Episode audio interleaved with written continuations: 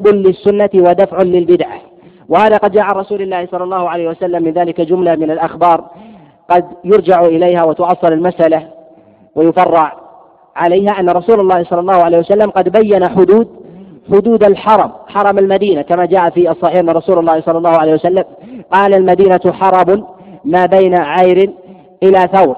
وهذا الحديث قد جاء في الصحيح وإن كان قد تكلم في بعض ألفاظه بعض بعض العلماء وقد أشار إلى هذا بعض الشراح.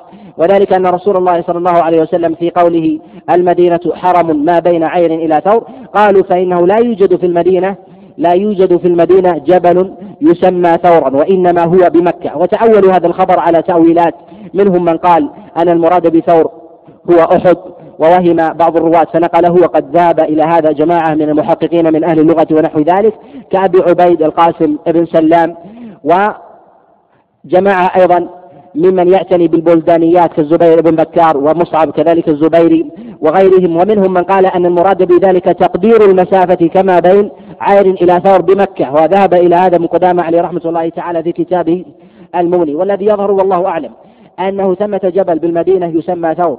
وقد نص على هذا غير واحد ممن اعتنى بالبلدانيات كياقوت الحموي في كتابه المعجم. ووهم من غلط, من غلط الرواة في ذلك فإنهم جماعة من الرواة الثقات. قد تواطؤوا على ذلك والتوهيم والتغليط في ذلك فيه نظر. ولهذا قد أشار الحافظ بن حجر عليه رحمة الله تعالى حال كلامه عند هذا الحديث أن كثير من الرواة أو من الشراح حينما يرون هذا الخبر لا يذكرون ثورا فيه فيقولون المدينة حرم ما بين عير إلى كذا. فيذكرون كذا كأنهم تشككوا من ذكر لفظ ثور فيه. ومنهم من يقول ما بين عير إلى أحد. تغليبا لهذا تغليبا لهذا الأمر. يقول محب الطبري قد حدثني العالم الحافظ الثقة المجاور بمسجد رسول الله صلى الله عليه وسلم عبد السلام البصري أن ثمة جبل أن ثمة جبل بالمدينة يسمى ثورا وهو خلف جبل أحد. فيكون حينئذ جبل أحد داخل في في حرم المدينة. ونص على هذا غير واحد من الأئمة كابن تيمية عليه رحمة الله تعالى وغيره وغيره أن ثمة جبل بهذا. المراد من ذلك أن رسول الله صلى الله عليه وسلم يحدد بعلامات مشروعة بعلامات مشروعة يراها الناس بعض الحدود الشرعية لكي لا يتجاوزها الناس وهذا هو المقصود. فإنه إن لم يكن للعلامات الشرعية حدودا من الطبيعة أو من جهة الوضع لم يحصل المقصود من جهة التحديد ولم تعرف الأماكن. ولهذا جعل رسول الله صلى الله عليه وسلم لمسجده حدودا وصورا يحده فيشرع فيه الصلاة ويشرع فيه الاعتكاف فإن خرج عن ذلك جاز فيه جاز فيه ما لا يجوز فيه. فالنبي صلى الله عليه وسلم حجراته هي حجرات أزواجه كن متلاصقات وأقربهن هي حجرة عائشة عليه رضوان الله تعالى. كان لها باب على مسجده وباب إلى إلى خارج مسجده. ويتجوز رسول الله صلى الله عليه وسلم في حجرتها ما لا يتجوز في ذلك المسجد للحدود التي قد جعلها رسول الله صلى الله عليه وسلم. وعليه يعلم أن تلك الحدود إذا كان ثمة مصلحة في إعادة توضيحها وبيانها بمعالم ورسوم ونحو ذلك كتحديد المواقيت لكثرة الوافدين أو كثرة الواردين على ذلك ممن يحتاج إلى وضع الألواح بلغاتهم المتباينة ووضع الحدود ونحو ذلك وكذلك وضع الحدود في المشاعر من بيان حدود عرفة ومزدلفة ونحو ذلك فإن هذا من المشروع. ويلحق في هذا صور يأتي الكلام عليها كمسألة الخط في في المطاف ومسألة العلمين في المسعى ونحو ذلك وأصل وأصل هذه. ولكن يقال من جهة التأصيل أن هذا أن هذا مشروع وهو من المقاصد الشرعية وقد تقدم الإشارة إلى بعض الأدلة في ذلك. ومن المسائل النازلة في هذا من محظورات الإحرام وهو استعمال بعض المنظفات من الصابون والشامبو والمناديل ونحو ذلك التي تسمى معطرة أو بنكهة كذا وكذا ونحو ذلك. يقال أن استعمال العطر للمحرم حال إحرامه من محظورات الإحرام باتفاق العلماء وقد جاء ذلك نصوص عن رسول الله صلى الله عليه وسلم منها حديث يعلى وغيره في الرجل الذي قد تضمخ بخلوق وعليه جبة وقال رسول الله صلى الله عليه وسلم له أما الجبة فانزعها واغسل عنك أثر الخلوق وإصنع في عمرتك ما تصنع في حجك. وهذا نص عن رسول الله صلى الله عليه وسلم على خلاف عند العلماء في بعض صور مس العطر بالنسبة لمن قصد إحراما. هل يشرع له التطيب قبل إحرامه إذا كان قاصدا؟ جمهور العلماء على مشروعيته. وهو قول الحنفية والحنابلة والشافعية خلاف المالكية الذين قالوا بعدم مشروعية ذلك وأنه باق على أصله. كذلك كذلك مشروعية التطيب. بعد تحلله من رمي الجمرة قبل الطواف هل يشرع له ذلك أم لا؟ وهذه مسألة ليس هذا محل بسطها وإنما الكلام على مس, مس المحرم بعض المنظفات التي هي من جهة الأصل لم توضع للتنظف لم توضع للتعطر ونحو ذلك وإنما وضعت للتنظيف كاستعمال الصابون الذي يكون بنكهة بعض الفواكه كالبرتقال وكذلك الليمون أو بعض الأشجار ونحو ذلك هل هذه من المحظورات أم لا؟ يقال أن هذا لا يخلو من حالين. الحالة الأولى أن تكون هذه المواد قد وضعت لأجل العطر فتستعمل لذلك كبعض المناديل التي توضع قصدا لأجل التعطير وتسمى المناديل المعطرة فهي في الأصل لم توضع للتنظيف وإنما وضعت وضعت للتعطير على خلاف في أنواعها منها ما يكون القصد منه التنظيف وإزالة ما يعلق في الجسد وكذلك الملابس من دهنيات وأصباغ ونحو ذلك فإن هذه تكون مشروعة وإن كان فيها شيء من التعطير النوع الثاني وهو ما لم يقصد فيه التعطير وإنما المقصود فيه التنظف ويكون فيها من جهة الإضافة شيء من النكهات كوضع بعض روائح النباتات ونحو ذلك فإن هذا لم يكن العطر فيه مقصودا. كوضع الصابون برائحة الليمون أو برائحة النعناع أو رائحة البرتقال ونحو ذلك. كذلك الشامبو ونحو ذلك الذي يستعمله بعض من يغتسل على رأسه ونحو ذلك. فإن هذا مما يجوز استعماله لأنه لم يوضع قصدا للتعطر. فهو استعمل أصلا من جهة الأصل للتنظف. فالإنسان حينما يقصد ذلك يقصد التنظف لا يقصد لا يقصد التعطر. ثم أن هذه المواد المضافة أصلا على وجه الاستقلال ليست من باب العطريات. فأكل البرتقال وهو من جهة الأصل من غير إضافة لم يكن من العطريات وإن كان له رائحة زكية يقصدها الإنسان. ثم أن المقصود من نهي الشارع عن استعمال العطريات أو العطور بأنواعها بالنسبة للمحرم هو أن يكون المحرم حال إحرامه متجنبا متجنبا وجوه الترفه. وكذلك أن يكون متجردا من أحوال من أحوال الراحة والدعة. ولهذا شرع النبي صلى الله عليه وسلم له أن يلبس إزارا ورداء ويتجرد من سائر أنواع المخيط. بعدا عن الزينة والتزيي بالملابس ونحو ذلك من الجبة والعمائم والقمص ونحو ذلك ويتجرد من ذلك فهذا هو المقصد أن يبتعد عن التزين ونحو ذلك. الأمر الثاني أن يبعد عنه دوافع الشهوة فإن العطريات من دوافع إثارة الشهوة خاصة إذا تعلق به مجاورة النساء ونحو ذلك. لهذا رسول الله صلى الله عليه وسلم قال من مست من مست عطرا فلا تصلي معنا العشاء. وجاء عن رسول الله صلى الله عليه وسلم أنه نهى المرأة أن تخرج وهي متعطرة ويرى وتمر من بين الرجال.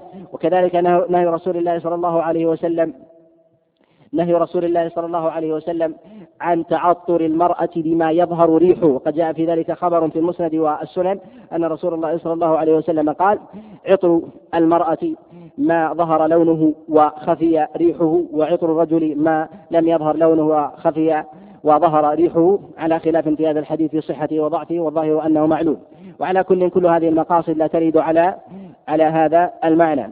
ومن المسائل النوازل أيضا في هذا الباب أن النبي صلى الله عليه وسلم قد شرع الاغتسال قبل دخول مكة. وهذا من السنن المهجورة. والكلام هنا أنه لما قرب الميقات من أو بعض المواقيت من مكة وذلك ليس قربا مكانيا وإنما زمنيا. فإن الإنسان يحرم ثم يصل إلى مكة بزمن يسير.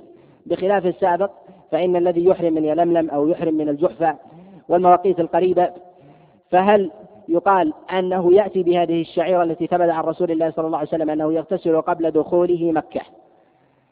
أم أنه يكتفي بغسله عند إحرامه لقلة الوقت؟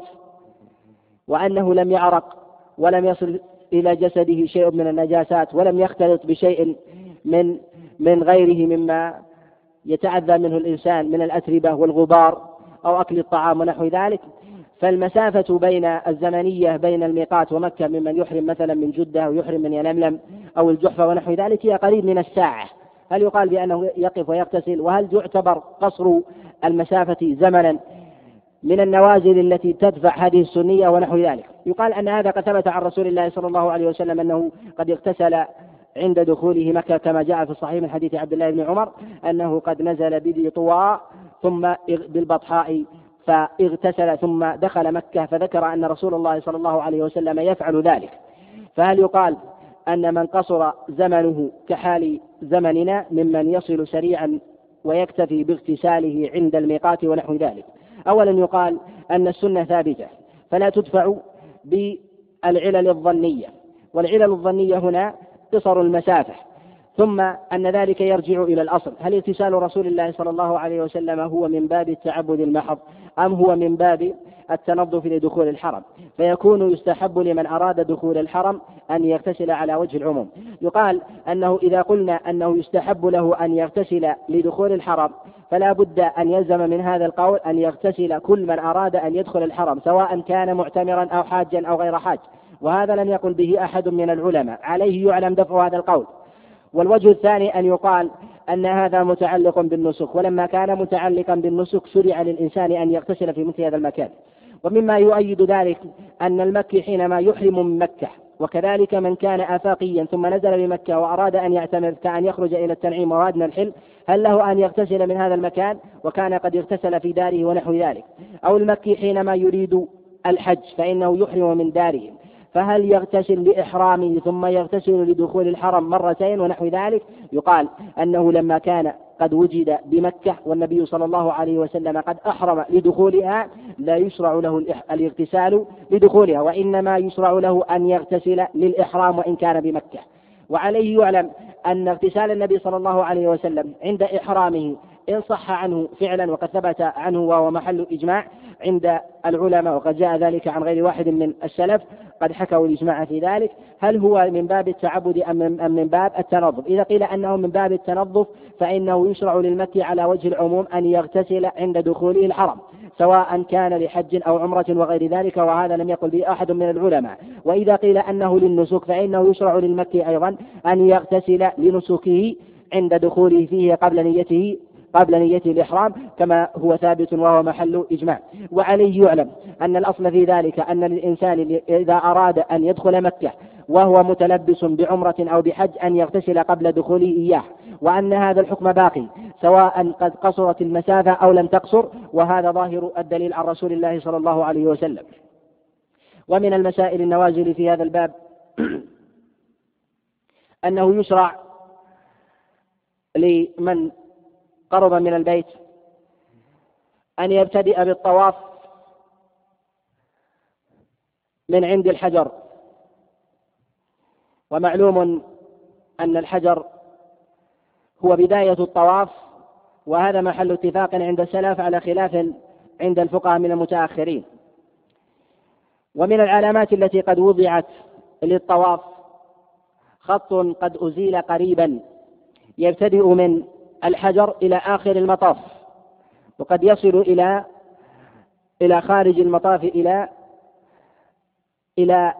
إلى المباني المسقوفة ليعلم الطائف داخلها داخل القباب ونحو ذلك ووضعت هذه العلامة أيضا في الطوابق في الدور الثاني والسطح ونحو ذلك حتى يراها الطائف هذه العلامة هل هي مشروعة أم لا أولا يقال من جهة تأصيل المسألة ينظر إلى أن الطواف لا بد من ابتدائه أن يكون من عند الحجر. ومن طاف من من غير الحجر فإن طوافه ذلك باطل. وهذا الذي عليه عامة السلف وهو قول جمهور العلماء. نص على ذلك غير واحد منهم الإمام أحمد ومالك والشافعي خلافا للحنفية الذين قالوا أن الإنسان له أن يعقد سبعا من أي جهة قد ابتدأ. وهذا قول لا يعول عليه. ومعلوم أن الحنفية من جهة التأصيل والقواعد لديهم أنه لا يشترط عندهم في أبواب العبادات ترتيب ولا يشترط عندهم موالاة وعليه حينئذ يأخذون بعض الأفعال التي جاءت عن رسول الله صلى الله عليه وسلم على وجه الاستحباب أو يجعلونها على وجه الاتفاق. وعلى هذا يقول أهل الرأي أن من طاف منكسا فابتدأ من الحجر الأسود إلى إلى الركن اليماني ثم إلى الحجر الأسود أن طوافه صحيح وهذا قول لا يعول عليه ومخالف لما جاء عن رسول الله صلى الله عليه وسلم واستقر عليه العمل وهو من الإحداث في دين الله إذا علم ذلك هل العلامة التي تؤدي إلى مقصود إلى تحقق مقصود الأمر الشرعي من ذلك هي هل هي مشروعة أم لا؟ أولا إذا تقرر الحكم الشرعي في ذلك هل المصلحة في وضع ذلك أم لا؟ أولا يقال أنه لا مصلحة من إيراد ذلك وذلك أن الإنسان يبتدئ الطواف من الحجر الأسود بالمحاذاة لا من جهة التصويب وذلك أن التصويب من جهة الزوايا غير مقصود وإنما المقصود المحاذاة كما كان رسول الله صلى الله عليه وسلم يبتدئ من عند من عند الحجر بالمحاذاة ومعلوم أن المحاذاة محاذاة البعيد لما دق من الزوايا كلما بعد اتسع وكلما قرب ضاق. وهذا معلوم حتى عند علماء الهندسة والفلك ونحو ذلك. فإنهم يقولون أن الإنسان إذا كان يريد أن يحاذي نقطة يحاذيها يحاذيها بمسافات إذا كان بعيدا. وكلما يقرب منها فإنها تضيق المسافة. وعليه كلما بعد يتسع. فإذا بعد الإنسان عن الحجر زادت مسافة المحاذاة. وكلما دنا منها تحدد الإنسان. عليه تنتفي العلة وهي مسألة وضع الخط. عليه يعلم أن الإنسان إذا دنا من الحجر انتفى علة التحديد فإنه يرى الحجر. وإذا كان بعيدا عنه لا حاجة إلى أن يوضع الخط. ثم أن في ذلك دفعا لكثير من المفاسد التي قد طرأت عند وضع ذلك. ومعلوم أنه قد وضع حادثا في القرن الخامس عشر الهجري. ومن المفاسد في ذلك تعلق كثير من أهل البدع بذلك. كأنهم قد جعلوا هذا الخط موضعا للعبادة فمنهم من يتمسح به بقدميه ونحو ذلك ثم ما يحدثه من بعض المفاسد من من الزحام وتجمع كثير من الناس ويظنون أنه ينبغي له أن يقف قبل ذلك لحظات ثم بعد ذلك يمشي. ومنهم من يظن أنه لا بد أن يستقبل القبلة على هذا الخط من بعض العجم وقد لاحظ ذلك كثير من الناس. وبعد إزالته وجد في ذلك فسحة كثيرة. عليه يعلم أنه ليس من المقاصد ولا من المصالح الشرعية على الصحيح وضع ذلك وأن إزالته هو الصواب. وأما إذا خفي على الإنسان معالم الكعبة كمن يطوف في السطوح أو في يطوف في الدور الثاني ونحو ذلك فعليه يقال أنه إذا كان لا يرى الكعبة يشرع وضع علامات بناء على ذلك الأصل وذلك أنه لا يرى الكعبة من باب زحام ونحو ذلك حتى يرى ابتداء الطواف حتى يرى ابتداء الطواف الطواف ونهايته. ومن المسائل النازلة من يطوف على عربة أو أو محمولا وهو معذور. هل له أن يطبع وهو أن يظهر كتفه الأيمن وأن يرمي بطرفي أن يرمي بطرفي ردائه على كتفه الأيسر؟ أولا يقال أن الاطباع مشروع قد جاء في ذلك أحاديث عن رسول الله صلى الله عليه وسلم منها ما جاء في سنن الترمذي من حديث ابن يعلى عن أبيه وما جاء في سنن أبي داود من حديث عبد الله بن عباس عن رسول الله صلى الله عليه وسلم وهو مشروع عند جماهير أهل العلم خلافا للإمام مالك. إذا علم أن ذلك مشروع وقد ثبت في ذلك نص عن رسول الله صلى الله عليه وسلم قد جاء فيه جملة من الأخبار عن السلف عليهم رحمة الله الذين قطعوا بمشروعيته. أولا يقال إذا كانت العلة عن رسول الله صلى الله عليه وسلم في الاطباع والرمل هو أن المشركين لما قدم رسول الله صلى الله عليه وسلم إلى مكة فإنهم أراد فإن النبي عليه الصلاة والسلام أراد أن يغيظ المشركين بالاطباع والرمل بإظهار القوة أمامهم فإنهم يقولون قد وهن النبي عليه الصلاة والسلام حمى يثرب فأراد النبي عليه الصلاة والسلام أن يظهر بمظهر القوة ففعل النبي عليه الصلاة والسلام ذلك. ومن كان محمولا لا يظهر منه الرمل ولا يظهر منه ذلك التعليل وهو إظهار تلك القوة. وليس له أن يحرك يده اليمنى. ومعلوم أن تحريك يد اليمنى هو مقصود بالرمل كذلك مقصود بالاطباع وعلى هذا يقال يقولون أن من استدار على من استدار على شيء وقد وضع الشيء على يساره فإنه يحتاج إلى تحريك يده اليمنى أكثر من يساره. وإذا دار على شيء ووضع الشيء على على يمينه يحتاج إلى تحريك يده اليسرى أكثر من يمينه وهذا معلوم. وكلما ضاقت الدائرة احتاج إلى التحريك أكثر وهذا معلوم معلوم بالنظر وهو محل اتفاق. عليه يعلم أن أنه لما انتفت العلة في من يركب بعربة أو يكون محمولا هل يشرع له ذلك أم لا؟ يقال أنه يرجع إلى ذلك الأصل. هل هذه العلة باقية وهي مسألة الاطباع والرمل؟ يقال أن النبي عليه الصلاة والسلام شرع ذلك لعلة فلما انتفت هذه العلة هل كان الحكم باقيا أم لا؟ نعم يقال أن الحكم باقي. وهذا الذي عليه إجماع العلماء ممن قال بمشروعية الاطباع والرمل. لما كانت العلة منتفية من جهة الأصل وباقية من جهة الحكم ولم يتعلق بها الحكم وجودا وعدما كان بقاء الحكم في من يطوف على عربة أو يطوف محمولا من باب من باب أولى بل أنهما في الحكم في الحكم سواء. ومن المسائل من المسائل أيضا طواف الإنسان فوق مستوى الكعبة كأن يطوف الإنسان في الدور الثاني أو السطح. أولا يقال أنه قد تقدم تقرير أن الهوى له حكم القرار. وقد ثبت ذلك فعله عن جماعة من الصحابة عليهم رضوان الله تعالى من جهة الصلاة. فيقال أن العلماء قد اتفقوا أن من صلى وسقف الكعبة فوقه أن الصلاة صحيحة وهذا محل اتفاق عندهم. وإذا صلى الإنسان وهو فوق مستوى الكعبة هل صلاته صحيحة أم لا؟ عامة العلماء على صحة صلاته وذهب بعض الفقهاء من الشافعية إلى عدم صحة صلاة من صلى فوق مستوى سطح الكعبة وقد رد على من قال بهذا القول بعض الفقهاء من الشافعية كالإمام النووي عليه رحمة الله تعالى وأبطل قول من قال بذلك بحجج منها قال أنه لو قدر والعياذ بالله أن تهدم الكعبة ولا يبقى منها أثر. هل يقال بعدم صحة من قام ومن قام حولها؟ ومعلوم أنها إذا هدمت فإنه يكون أعلى من سطحها فصلاته صحيحة وهذا محل اتفاق. ثم أنه قال وقد اتفق اتفق العلماء بالنظر والتسليم إلى صحة صلاة من صلى فوق جبل أبي قبيس. ومعلوم أن جبل أبي قبيس أعلى من مستوى سطح الكعبة وهو مشرف عليها فالصلاة فيه صحيحة كذلك من صلى فوق فوق السطوح أو صلى في الدور الثاني أو الثالث مما هو أعلى من مستوى سطح الكعبة. ومما يدل على أن الهواء له حكم القرار من جهة الحكم أن النبي صلى الله عليه وسلم قد حرم على المحرم صيد البر. ويلحق في ذلك صيد الجو تبعا. فلو صاد إنسان وهو في الجو صيدا في الجو فإنه يجب عليه الفدية كأن يصيده بسهام أو نبال أو بندقية ونحو ذلك. فإذا قيل أن الطواف في الدور الثاني أو في السطح خارج عن عن مستوى سطح الكعبة عليه يقال أنه خارج عن عن التكليف بذلك وهو خارج عن التكليف بالإحرام أو بسائر الإحرام.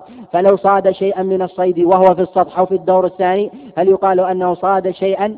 في الهواء فلا ينطبق عليه الحكم أن هذا القول قول باطل وعليه يعلم يعلم فساده وبه يعلم أن من طاف في الأرض ومن طاف في الدور الثاني أو طاف في السطح أن طوافه صحيح وهذا وهذا الذي ينبغي أن يصار إليه ولا ينبغي أن يحكى في ذلك خلاف ولكن لما كان الناظرون فيها أو السامعون لهذا الكلام هم من طلبة العلم لا بأس بذكر هذا الخلاف. ويتفرع عن هذا الخلاف هو من طاف شيئا من الطواف في الأرض ثم أراد أن يكمل طوافه في الدور الثاني وهذا من فروع هذه المسألة. وإن كان يلحق من جهة الأصل في مسألة الموالاة وتقدم أن من القواعد عند الحنفية أنهم لا يشترطون موالاة في سائر العبادات عندهم سواء في أبواب الصلاة أو الطهارة فلا فلا يشترطون الموالاة في الوضوء فلو غسل عضوا في موضع ثم غسله حتى نشر في موضع آخر أو الصلاة عند الجمع بين صلاتين فلو أراد أن يجمع الظهر مع العصر فصلى الظهر ثم أراد أن يؤخر العصر إلى آخر وقت صلاة الظهر قالوا أن ذلك جائز. كذلك من جهة الموالاة في الحج في جميع في جميع الأحوال من جهة الطواف فلو طاف شوطا ثم أراد أن يؤجله إلى الليل جاز له ذلك. فإنه على قولهم يرون الجواز هنا من باب أولى. وأما إذا أراد أن يكمل في الدور الثاني وكان الفاصل يسيرا صح ذلك قياسا قياسا على مسألة الصلاة. في من قطعه صلاة. ومعلوم أن الإنسان أن الإنسان إذا قطع قطعته صلاة في المطاف فإنه يصلي ثم ثم يتم طوافه. باتفاق العلماء يقول ابن عبد البر عليه رحمة الله تعالى ولا أعلم خلافا في ذلك إلا ما يروى عن الحسن فإنه قال بأنه يستأنف يستأنف طوافه. كذلك من المسائل في هذا مسألة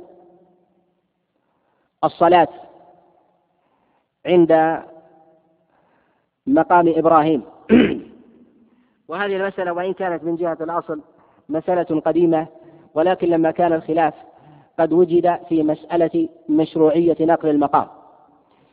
لا نريد أن نتكلم على هذه المسألة لأنها مسألة يتعلق فيها كثير من المصالح والمفاسد ولكن نتكلم على ما لو حصل ذلك بتقديم أو تأخير. يقال أن الصلاة خلف المقام هل هي متعلقة بذلك الجرم الذي لو حرك أو أزيل؟ فإنه يزول معه ذلك الحكم أو أن الأمر متعلق بأصل مكانه. فلو أزيل فلو أزيل فإنه ينتفي ذلك الحكم وهو أداء الصلاة خلف المقام. أولا يقال أن الأمر من جهة النظر لا يتعلق بذلك الحجر وإنما يتعلق بمكانه. ومعلوم أن مكانه قريبا من من الكعبة. فإن إسماعيل كان يناول أباه الحجر وهو قريبا منه فإنما حرك وحركه السيل في الصدر الأول وبقي في مكانه. ولما كان كذلك من صلى بين الحجر وبين الكعبة هل هو مصلي بين الكعبة وبين المقام أو لا بد أن يكون بين المقام الحادث الذي قد جرفه السيل؟ هل يكون قد أتى وامتثل بذلك أم لا؟ أولا يقال أنه يرجع إلى مسألة الأصل. هل هو من جهة الأصل متعلق بهذا الحجر؟ فإن غير أو حيد عنه ونحو ذلك. أم أن الشارع قيده من جهة العلامة بهذا الحجر وشرعت الصلاة نحو هذه الناحية؟ يقال أن الكعبة والعياذ بالله لو أزيل مكانها وضع في مكان آخر هل المقصود أن يتوجه الإنسان إلى مكانها أو يتوجه الإنسان إلى ذلك الحجر؟ أو الأولى أن يقال أن الإنسان يتوجه إلى مكانها وهذا محل تسليم ولا أن يتوجه إلى ذلك الحجر لو زيد فيه أو نقص. فلما كان كذلك كان كذلك الاتجاه إلى مسألة المقام أن يتوجه الإنسان إلى مكانه. عليه يعلم لو تيسر الإنسان أن يصل أن يصلي بين المقام وبين الكعبة أنه قد صلى ناحية المقام.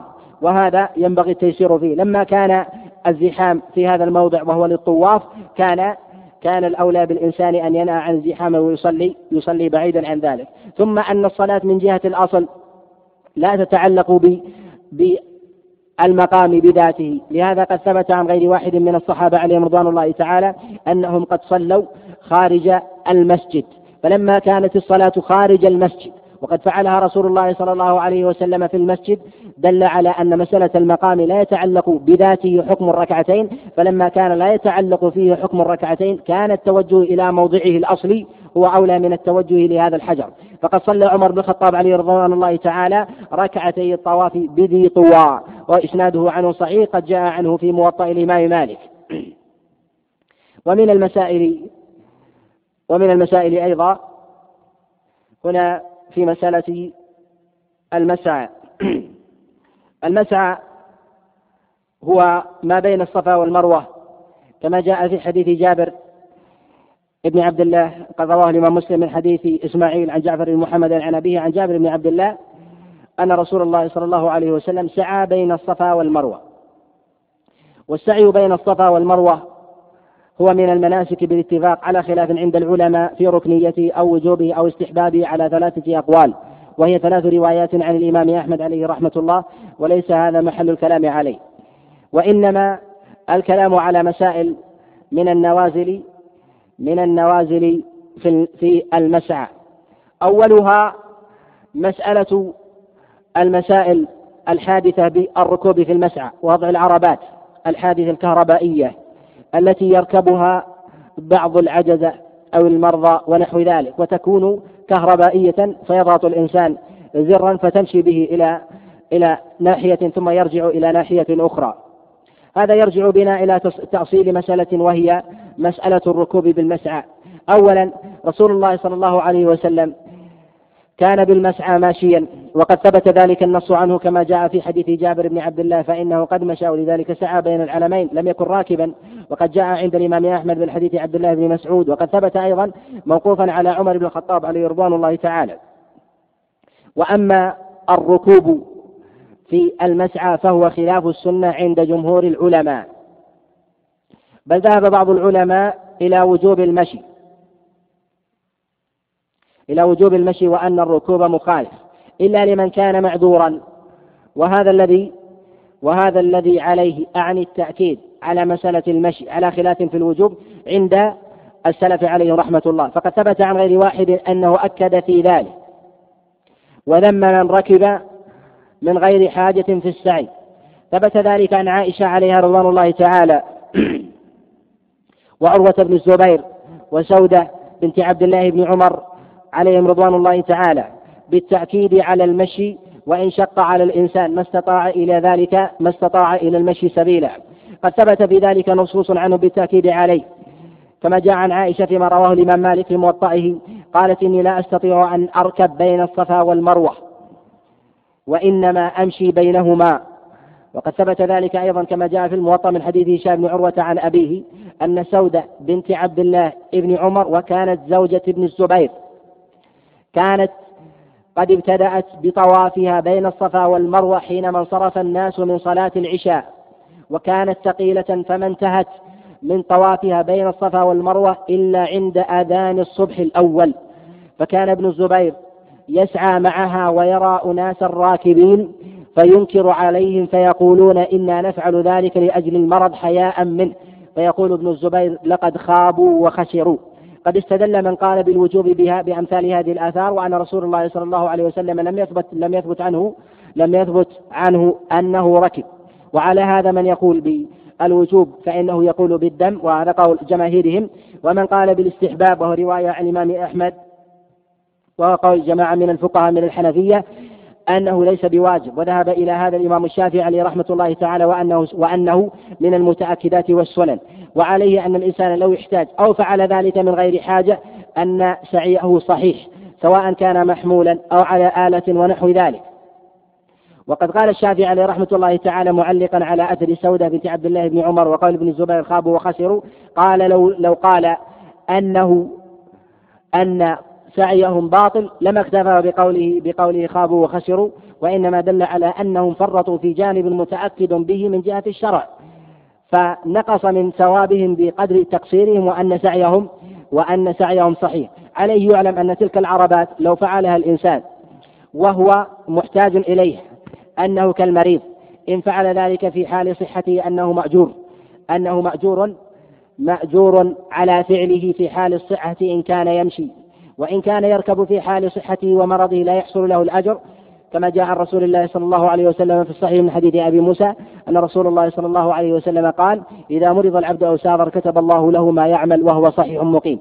عليه من فعل شيئا حال مرضه أو تركه وكان حريصا عليه الامتثال به حال صحته فإنه يكتب له ما كان يفعله حال الصحة. ويكون له الأجر الأجر كاملا. فإذا فعل حال الصحة فركب فإن سعيه صحيح وهو ناقص بقدر تفريطه بما حث عليه النبي عليه الصلاة والسلام.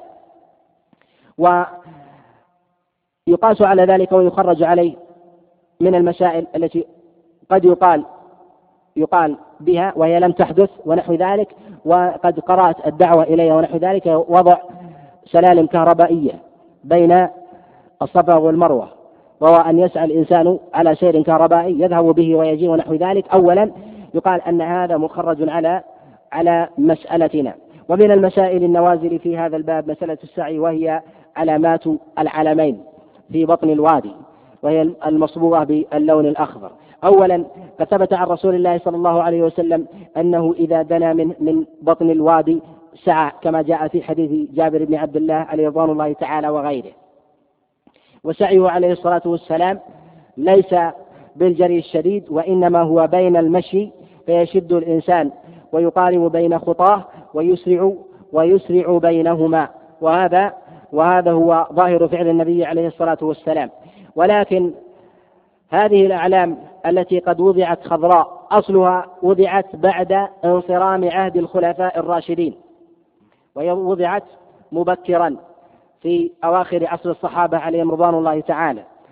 وقد نص على هذه الأعلام الخضر غير واحد من الفقهاء كالإمام الشافعي عليه رحمة الله تعالى في كتاب الأم فقال عندنا من من العلم الأخضر من جهة المسجد سعى ما يدل على أن العلم كان موجودا.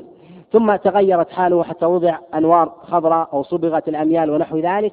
وهذا هل هو من المقاصد الشرعية أم لا؟ تقدم الإشارة إلى أصل هذه المسألة وهي وضع أعلام لمن جهل بعض الأماكن الشرعية لتحديدها لتحقيق مقصد العبادة.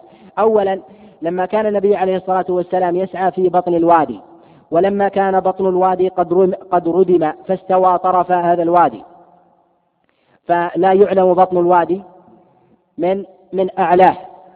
كان وضع هذه الأعلام لتحقيق مصلحة السعي بين العلمين متحقق متحقق شرعا وهو من المصالح من المصالح المرسلة ولا زال العلماء يقرون ذلك وهو محل عمل عندهم. ومن المسائل النوازل في مسألة المسعى وهو ما طرى حديثا من توسعة المسعى وهو وضع مسار بحجم المسار الموجود محاذ له وموازٍ له من الصفا إلى المروة. فيكون المسعى الموازي الحالي فيكون المسعى الحالي لمن قدم من المروة إلى الصفا ومن والحادث لمن قدم من الصفا إلى المروة. أولا يقال أن رسول الله صلى الله عليه وسلم قد جاء النص عنه أنه سعى بين الصفا والمروة. فالبينية هنا من جهة اللغة أن من كان بين شيئين فلا يخلو من حالين على الأغلب إما أن يكون قد وجه وجهه ناحية أحدهما فما خلفه فما خلفه الطرف الآخر. وإما أن يكون قد وضع أحدهما على يساره فالآخر عن يمينه. فهل يكون كل ما خلفه أحد الأطراف فيكون بينهما؟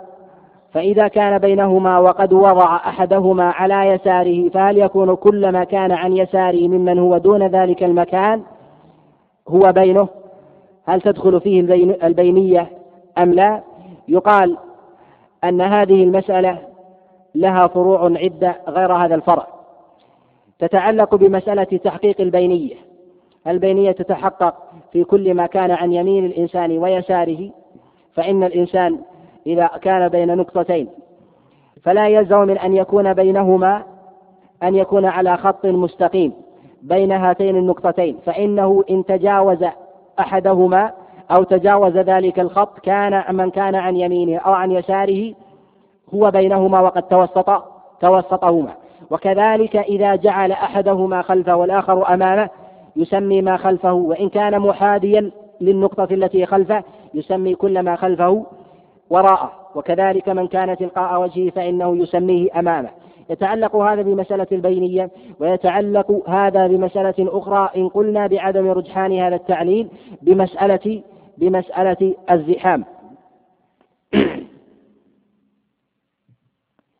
ومسألة الزحام واتصال الصفوف وحاجة الناس إلى ذلك هل يلحق في هذه المسألة أم لا؟ من جهة الرجوع إلى المسائل يجد الإنسان أن أن مسائل المناسك أو المسائل التعبدية لا علاقة لها بما يخرج عنها من مسائل من مسائل المعاملات ونحو ذلك. بعض من تكلم في هذه المسألة ألحق هذه المسألة بمسألة التمليك فلو أن إنسانا قد ملك أرضا ليس له أن يملك ما ما كان بجوارها وإنما يملك فضاءها عليه يقال أن رسول الله صلى الله عليه وسلم حينما حدد المواقيت جعل السلف ما كان محاذيا لها في حكمها مع أنه لا يتعلق في ذلك ملكية وجعل النبي صلى الله عليه وسلم في مسألة المعاملات مسألة البيوع في من اشترى أرضا أنه ليس له حق فيما جاورها إلا في مسألة واحدة وهي مسألة الشفعة. إذا أراد الإنسان أن يبيع أرضا مجاورة لشخص آخر أنه أولى أولى بها كما جاء عن رسول الله صلى الله عليه وسلم أنه قال الجار أحق بشفعة جاره. إذا كان كذلك علم أن ثمة فارق بين مسألة التمليك وهي الاستحقاق والملكية وبين مسائل العبادات في أمثال ذلك. فالصحابة عليهم رضوان الله تعالى كما جاء عن عمر جعل ما كان محاديا للميقات كما في ذات عرق في حكمها. كما قال عليه رضوان الله تعالى انظروا حذوها فنظروا فجعل عليه رضوان الله تعالى ذات عرق. ثم من جهة النظر. من جهة تحقيق المصلحة في اتصال الصفوف أن لها حكم من جهة الأصل وهذا يرجعنا إلى مسائل عدة. المسألة الأولى مسألة الصلاة حول الكعبة. الصلاة في الصدر الأول كانت من جهة الحجر الأسود والباب. كانوا صفا واحدا ولم تكن الصفوف مستدارة على الكعبة إلا في عهد خالد بن عبد الله القسري كما ذكر ذلك الفاكي عليه رحمة الله تعالى في كتاب أخبار مكة. قال أن الصفوف كانت من جهة واحدة من جهة الباب فإذا انتهى شطر الكعبة أو زادوا عنها قليلا أحدثوا صفا آخر حتى زاد ذلك فلما كان في خلافة خالد بن عبد الله القسري وإمارته على مكة جعل الصفوف مستديرة فاستقر على ذلك على ذلك العمل. وقد أفتى بجواز ذلك غير واحد من العلماء كما أخرج الفاكهي في أخبار مكة من حديث ابن جريج قال سألت عطاء عليه رضوان الله تعالى عن الصلاة خلف الباب في من صلى هل يصلي الناس؟ وإن خرجوا عن الباب يسيرا ثم يصلوا صفوفا أم يصلوا صفا واحدا حول الكعبة؟ قال بل يصلوا صفا واحدا حول الكعبة أولى من صلاتهم من صلاتهم صفوفا كثيرة خلف الباب. واستدل بقول الله سبحانه وتعالى وهذا استنباط لطيف منه. قال وترى الملائكة حافين من حول العرش. قال فلما كان العرش مقصودا بالتوجه إليه كانت الاستدارة فيه مشروعة وهذا لم يكن في السابق واستقر عليه العمل. المراد من ذلك أن نرجع المسألة إلى قبل استدارة استدارة الصفوف. فلو صلى الناس من جهة الباب ثم زادت الصفوف حتى خرجت عن التصويب عن الكعبة. هل تصح صلاة من زاد عن أطراف الكعبة فتوجه إلى غيرها وهو خلف الإمام؟ يقال قد اتفق العلماء على أن من صلى وحاله كذلك أن صلاته صحيحة وهذا محل اتفاق عندهم لأن مقصدة مقصد الزحام صحيح. وعليه يقال لو صلى جماعة من الناس وأبطلوا مسألة الاستدارة فصلوا من ناحية الباب خلف إمام حتى خرج طرف الصف عن مسألة التصويب عن الكعبة صحت صلاتهم وهذا محل اتفاق. وثمة فرع آخر أيضا من نظائر هذه المسألة وهي أن الصلاة في حدود الحرم مضاعفة. فلو صلى المسلمون في طرف من أطراف الحرم وكان التضعيف متحققا فصلى فئام من المسلمين خلف ذلك الإمام حتى خرج طوائف منهم عن حدود الحرم. هل من خرج عن حدود ذلك الحرم من الصفوف يدخل في التضعيف أم لا؟ الصواب أنه يدخل وهذا ظاهر أن محل اتفاق عند العلماء. وإن كانوا من جهة البقعة ليسوا داخلين في البقعة الشرعية التي يدخل فيها التضعيف عند العلماء بالاتفاق وهو ظاهر النص عن رسول الله صلى الله عليه وسلم. عليه يعلم. أن اتصال الصفوف والحاجة إلى الزحام بإحداث توسيع المسعى داخل في ذلك من وجهين.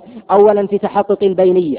الأمر الثاني بتحقق مصلحة اتصال الصفوف وأن ذلك من مقاصد الشريعة. ثم أن الصلاة لما كانت آكد وهي من فرائض الإسلام وتاركها وتاركها كافر على الصحيح من أقوال العلماء وليس هذا محل بسط وذكر الأدلة في ذلك.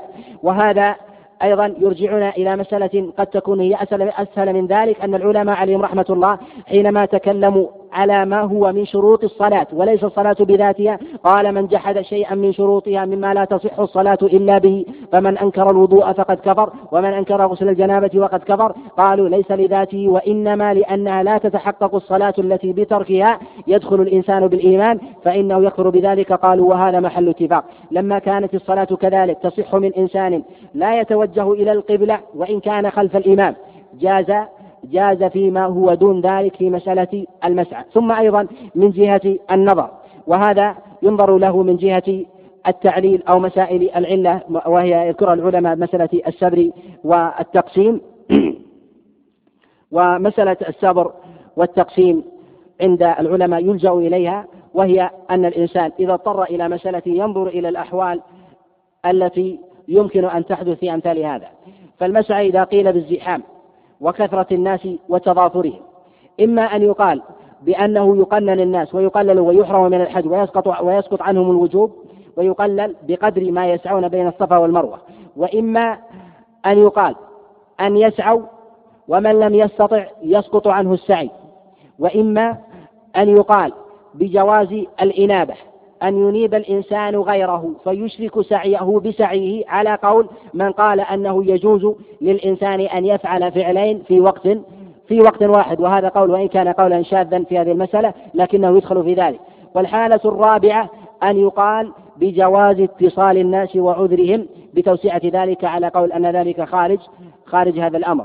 فيقال لا شك أنه من جهة النظر أن حكم الشريعة باقي من جهة التكليف ولا يعذر الإنسان إلا بما لا يطيق بما لا يطيقونه ثم أن الإنابة باطلة في مثل ذلك ثم أيضا أن الإنسان لا يسقط عنه السعي وهو مستطيع للسعي فيبقى في ذلك الاستطاعة وهو أنه أن الإنسان إن استطاع أن يتصل بالصفوف وإن حمله الزحام إلى أن يخرج يكون خارج منه فله حكمه. وقد يقاس ذلك على مسألة اتصال الصفوف في من يخرج من من المسجد. فقد ثبت عن جماعة من الصحابة عليهم رضوان الله تعالى أنهم صلوا خارج المسجد بصلاة الإمام. قد جاء عن أبي هريرة وعمار بن ياسر وعبد الرحمن بن عوف وجاء عن غيرهم من السلف عليهم رحمة الله عليه والله أعلم أن مسألة توسعة المسعى مسألة مشروعة وهذا الذي يؤيدها الدليل من جهة إلحاقها بالأصل وكذلك ما يؤيدها من جهة النظر. وأما ما يعلق به البعض الحكم الشرعي بأن السعي يكون بين جبلين بين الصفا والمروة. قالوا فلا بد من النظر إلى أصل الجبلين. من جهة باطن الأرض. فما كان من أصلهما فإن الإنسان يكون بينه. أولا الشريعة تعلق بالظواهر. والإنسان مكلف بما بما يراه لا أن يحفر أسافل الجبال ونحو ذلك لينظر تحقق العبادة أم لا. فلو قيل أن أنه حدث ثمة انهيار من مشي الناس وكثرة مشيهم على الرمل ثم نزل الجبل ونحو ذلك هو مخاطب بذلك. فلو قيل بأن الجبل يمتد حتى خارج مكة من جهة الأصل هل يقال بجواز السعي؟ لا يقال بذلك لأن الأمر متحقق في في هذا في هذا المكان فالمسألة بالقصد لا يقال بالتوسعة في هذا ولا تعليق الأمر بعلة خفية لم يقصدها لم يقصدها الشارع.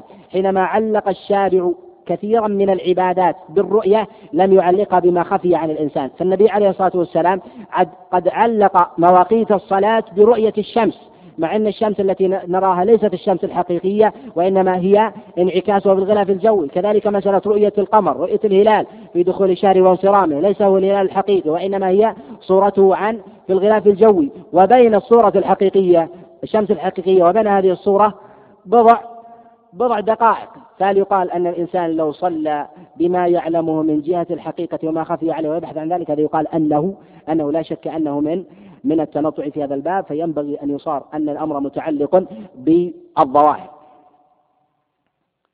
ومن المسائل في النوازل في هذا الباب ما يلحق في مسألة المسعى السعي أو إلحاق شيء من الطواف في المسعى وتقدم الكلام أو الإشارة على هذه المسألة وهي لو طاف الطائف ثم كان جزءا من طوافه في المسعى. تقدم الإشارة إن أصل الخلاف في هذا أن المسعى كان خارج المسجد. والله جل وعلا يقول في كتابه العظيم وليطوفوا بالبيت العتيق والبيت هو المسجد. فلما كان كذلك من طاف خارج البيت العتيق وهو المقصود به هو المسجد فإذا أطلق البيت المراد به الكعبة وما بني حولها مما يلحق فيها من أماكن العبادة. فإن طاف خارجها كان طوافه ليس بصحيح. لهذا قال العلماء أن من طاف وإن كان في المسعى طوافه ليس ليس بصحيح. وكان أصل المسألة فيما يظهر لي أن بعض الناس حينما يقرب من نهاية الطواف يخرج من المسجد إلى المسعى فيسعى يسيرا ثم يرجع إلى إلى الصفا فيكون شيئا من طوافه في المسعى ثم يبتدئ بالسعي بين الصفا والمروة. أولا يقال لما اتصل المسعى بالمسجد ودخل فيه وكذلك أيضا قد دخل فيه ما خلفه فكان الصفوف تتصل ويصلي الناس صلوات الفريضة في هذه الأماكن دل على دخول المسعى فيه من باب من باب أولى. ثم أنه ليس من التعليل والنظر أن يكون ما خارج المسعى داخل في المسجد. ثم تتصل الصفوف فيصلي الناس في المسعى فيكون صلاة فتكون صلاتهم بصلاة الإمام وما خلفهم بصلاة الإمام داخلة في صلاة الجماعة فإذا انصرفوا من صلاة الجماعة لم تكن البقعة التي هم فيها داخلة في المسجد هذا لا يؤيده لا يؤيده النظر. ثم أيضا لما اندثر الفاصل وهو ما كان بين المسجد والمسعى من سوق ومتاجر وأماكن لحوانيت الطعام والبيع ونحو ذلك والشراء والمساكن لما اندثرت واتصلت الصفوف وجب أن يكون ذلك المسجد ويلحق هذا الفرع عدة مسائل مسألة الطهارة في دخول المسجد مسألة دخول الحائض هل تدخل المسجد أم لا؟ فينبغي لمن قال بعدم دخولها البيت أن لا, لا, لا, لا تدخل. المسعى ومن قال بجواز دخولها المسجد أن لا تدخل بالبيت. ومن علق علة نهي النبي عليه الصلاة والسلام الحائض أن تطوف بالبيت بعدم الدخول لهذه البقعة فينبغي تعليقه كذلك في المسعى. وهذا الذي فيما أراه أن يندثر فيه الخلاف لدخول هذا المسعى في هذا وإن كان الخلاف لا زال موجودا عند بعض من تكلم في هذه المسألة في من أهل المجامع الفقهية من أهل الإفتاء وغيرهم. و من المسائل أيضا مسألة السعي خارج أو السعي في الطابق الثاني والثالث وهذا يلحق بمسألتنا في الطواف. بالبيت فبالطابق الثاني أو الثالث هل يكون ذلك مما يجزئ أم لا؟ أولا هذا يفرع على مسألتنا وهي مسألة الركوب. هل الركوب جائز في من سعى على الأرض أم لا؟ من قال بجواز الركوب فإنه يقول بمن سعى ماشيا على قدميه في الأعلى من باب أولى لأنه أجاز راكبا. وهو لم يمشي على الأرض. وثم أن السطوح لا حد له لا حد لا حد لها. فقد يكون السطح سقف المروة أعلى منه. فسواء على السقف أو دنا على التأصيل السابق أن الطواف مجزئ وصحيح سواء كان بالدور الأول أو الثاني أو بني أحدث من ذلك مما يكون أعلى من الصفا الصفا والمروة قياسا على الصلاة وتقدم الإشارة إلى ذلك. ومن المسائل النازلة في هذا الباب مسألة حاجة كثير من الحجاج إلى إسقاط المبيت أو إلى إسقاط الوقوف بعرفة بالوقوف بالوقوف ليلة عرفة ويسمى بيوم التروية. ومعلوم أنه يشرع للإنسان أن يكون بمنى يوم التروية. فإن طلع يوم عرفة وارتفعت الشمس شرع له أن أن يدفع إلى إلى عرفة. هل يشرع؟ ما يفعله كثير من أهل الحملات بأن يقفوا ليلة عرفة بعرفة فيكون ذلك داخل في الطواف في داخل بالوقوف بعرفة أم لا ومسقط له أم لا. يقال هذا يتفرع عن مسألة من المسائل وهي هل وقوف بعرفة يجزي عنه الوقوف بالليل كما جاء عن رسول الله صلى الله عليه وسلم قال أية ساعة من ليل أو نهار كما في حديث عروة ابن مضرس عن رسول الله صلى الله عليه وسلم. وهذا ظاهر قول الإمام أحمد عليه رحمة الله أن من وقف بعرفة من ليل عرفة من غروب الشمس إلى إلى فجر إلى فجر آه، يوم إلى فجر إلى طلوع فجر يوم النحر أنه واقف. على خلاف في ليلة عرفة هل تدخل في هذا أم لا؟ قد روي عن الإمام أحمد عليه رحمة الله تعالى إدخال ذلك في هذا ومعلوم أن اليوم يتبع الليلة الماضية وهذا متقرر عند العلماء ويختلف بحسب بحسب الحال وتقدم الإشارة إلى شيء من هذه المسائل مسألة آه، ما جاء في ألفاظ الشريعة من ذكر اليوم والليلة ومعلوم أن العرب إذا قالت الليلة في قبل زوال الشمس فإنهم يقصدون البارحة في عرفنا. وإذا قالوا الليلة بعد زوال الشمس فإنهم يقصدون يقصدون الليلة القادمة فإذا قالوا البارحة فإنهم يقصدون الماضية. ولكن إذا قالوا البارحة ضحى فهل يقصدون الماضية أم التي قبلها؟ يقصدون التي قبلها وهذا محل محل اتفاق. وقد اختلف عرف الناس في زمننا فإنهم يطلقون البارحة على مسألة على الليلة الماضية القريبة سواء كان ذلك قبل الزوال أو بعده. أما من جهة الألفاظ الشرعية التي ينبغي يعلق بها الحكم أن اليوم يتبع الليلة الماضية في جميع أبواب الفقه في مسألة في مسألة المبيت وكذلك في مسألة في مسألة القسم بين الزوجات في مسائل النكاح فإن الرجل في يومه للزوجة يبتدئ بعد غروب الشمس إلى إلى طلوعها ولهذا يقول الفقهاء في أبواب القسم في أبواب النكاح قال ويتبع اليوم الليلة الماضية أي أنه تابع لها ويبتدئ قسمها بغروب الشمس وينتهي بطلوعه من اليوم من اليوم الثاني. ومن المسائل النوازل في هذا في آه، في هذا الباب هو ما أحدث أخيرا من أماكن للتنزه من البول في المار للمار بين عرفة ومزدلفة. قد وضع في الفترة الأخيرة أماكن للبول قائما. وتسمى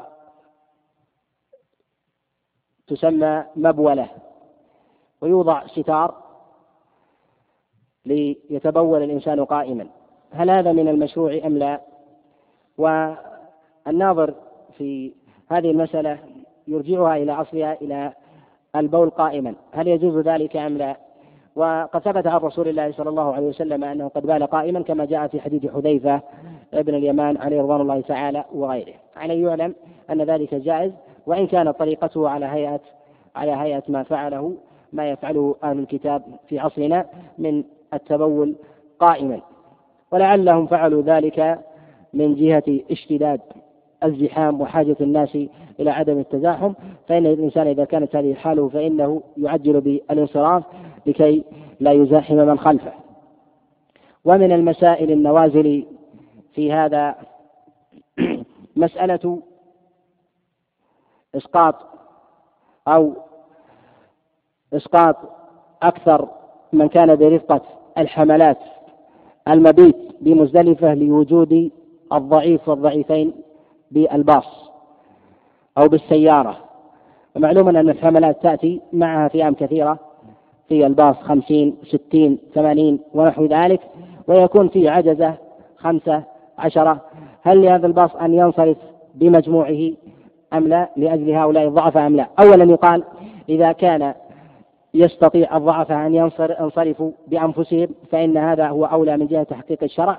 فالضعفاء قد ثبت الدليل بانصرافهم والدليل فيه نص وهو محل اتفاق عند السلف وإنما الخلاف في مسألة من كان مرافقا لهم. هل له أن ينصرف أم لا؟ يقال أن الرفقة لا تخلو من حالين، الحالة الأولى أن يستطيع الضعفاء أن ينصرفوا بأنفسهم من غير أذية، وأما إذا لم يستطيعوا فيجوز لكل من كان في حكمهم من كان تبع لهم إذا كان ليس ببقائه إذا كان ببقائه تخلف عن هذه القافلة وضياع ونحو ذلك له أن أن ينصرف معهم وإن كان الرفقة أكثر من الضعفة ولهذا أسماء عليه رضوان الله تعالى كان معها مولى قد انصرف معها ونفر وكان في ظاهر الأمر أنه باستطاعته أن يؤخر ذلك إلى بعد طلوع الفجر فجاز جاز ذلك. ومن المسائل النوازل المسائل النوازل في ذلك وهي من المسائل الحادثة أن بعض حملات الحج تنصرف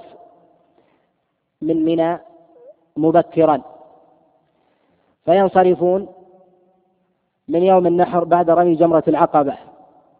وهذا يترتب عليه مسائل ونوازل يأتي الكلام عليها من هذه النوازل هي خلو كثير من الخيام من الساكنين.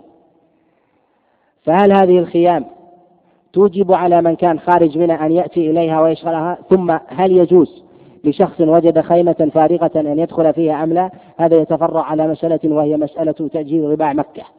ودورها وبيوتها هل يجوز ذلك أم لا؟ قد اختلف العلماء في مسألة تأجير وبيع أراضي مكة على ثلاثة أقوال. ذهب جمهور العلماء إلى عدم جواز بيع وتأجير دور مكة ورباعها وأن أن ذلك محرم. وذهب الإمام الشافعي إلى الجواز وهو رواية عن الإمام أحمد. وقال الإمام أحمد عليه رحمة الله تعالى المشهور عن أنه لا يجوز بيع رباع مكة وإنما يجوز توريثها. أن يملكها الإنسان ويورثها من جاء بعده. أما من جهة البيع والتأجير فلا. والذي ذهب إليه الإمام مالك عليه رحمة الله تعالى إلى الجواز. وقد حصلت مناظرة بين الشافعي الشافعي عليه رحمة الله تعالى قال بالجواز وقد حصلت مناظرة بينه وبين إسحاق بن راهوي في هذه المسألة في مسجد الخيف. وكان بحضور الإمام أحمد عليه رحمة الله فتناظر في هذه المسألة فأورد عليه من الأدلة في ذلك. وكان إسحاق بن راهوي قد سكت لما ناظره الإمام الشافعي حتى قال الإمام الشافعي عليه رحمة الله قال ما أحوجني أن يكون غيرك في هذا المقام حتى يفتل أذنه أقول لك قال رسول الله صلى الله عليه وسلم فتقول لي قال طاووس والحسن وإبراهيم أي أن قول بعض السلف في هذه المسألة بالمنع لا يقابل ما جاء عن رسول الله صلى الله عليه وسلم. وقد جاء في ذلك جملة من الأحاديث من المنع بتأجير وبيع دور مكة ولا يصح منها شيء. منها ما رواه أبو حنيفة عن عبيد الله بن أبي زياد عن أبي نجيح عن عبد الله بن عمر أن رسول الله صلى الله عليه وسلم قال لا يحل بيع دور مكة ولا أجرتها. وهذا الحديث ضعيف لحال ابن أبي ابن أبي زياد وهو ضعيف. وقد جاء من حديث عبد الله بن عمر ويرويه عنه مجاهد والصواب فيه الوقف. وقد جاء موقوفا عن غير واحد من السلف جاء عن مجاهد بن جابر وطاووس وعطاء قد رواه عنهم الليث كما رواه عبد الرزاق في المصنف. وجاء أيضا عن غير واحد جواز ذلك. والصواب فيه أنه يجوز بيع دور مكة وتأجيرها كسائر البلدان. وهذا هو ظاهر الكتاب والسنة. قال الله جل وعلا في كتابه العظيم للفقراء المهاجرين الذين أخرجوا من ديارهم. فقوله سبحانه وتعالى من ديارهم الأصل فيه التمليك. وهذا وهذا ظاهر. فإذا قيل أن هذه دار فلان دل على أنه ملكها وملكها لا يكون إلا بأصول التمليك من جهة الإحياء أو الشراء. وكذلك التمليك إذا ملك الإنسان جاز له ما يتبعه من جهة البيع والإجارة إلا بنص صحيح.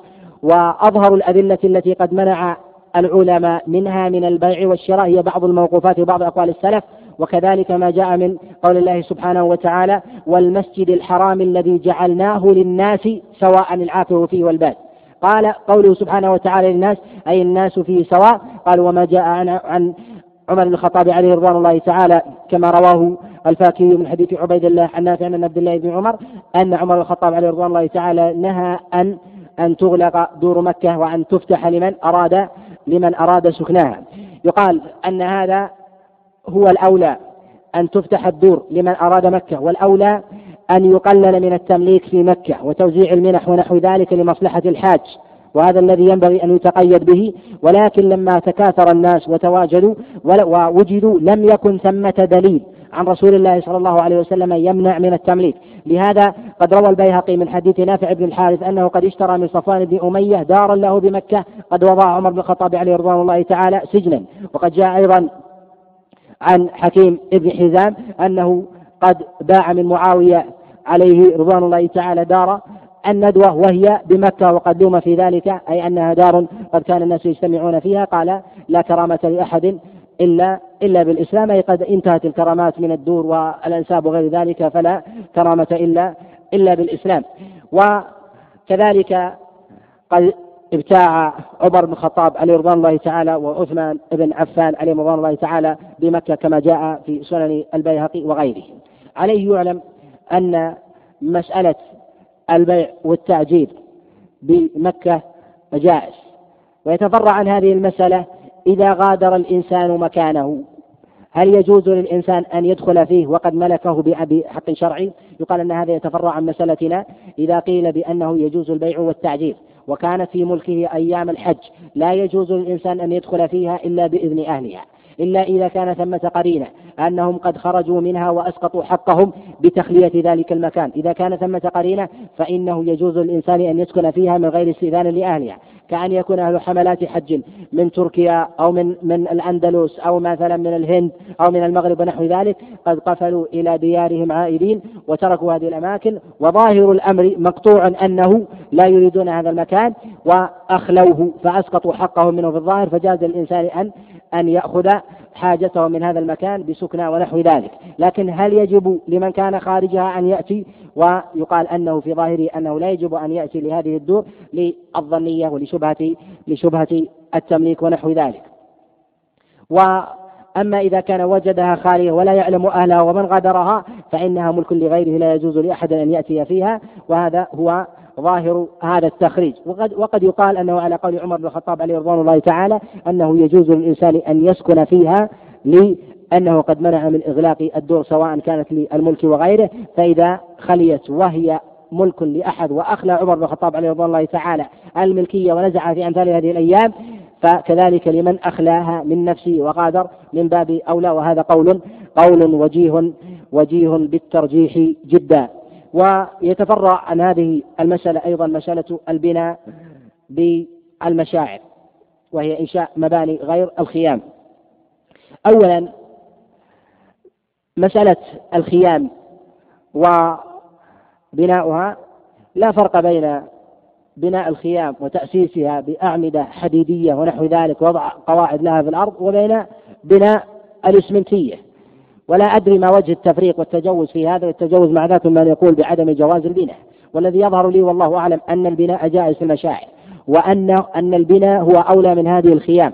أولا لتشابه حال الخيام الحالية من جهة التأسيس والتكاليف المادية ونحو ذلك ومعلوم أنه يتبع ذلك التأثيث تأجير لها على غيره. ومعلوم أن الخيام إذا قيل بأنها أيسر ونحو ذلك تكاليف مؤونة ونحو ذلك بل أنها تؤجر أغلى من غيرها من الأماكن التي هي خارج مكة من تبنى بحجر ونحو ذلك بمكة سواء بالعزيزية أو مكان قريبا من الحرم فتؤجر هذه الخيام بآلاف لثلاثة أيام ونحو ذلك. لا شك أن هذا هذا يدل على أن هذه الخيام لم تؤجر لأجل تلك الخيمة بذاتها وإنما لأجل ذلك البناء وتلك البقعة. فلما كان كذلك فيكون مسألة بناء الدور جائز من باب من باب أولى من جهة من جهة نظري.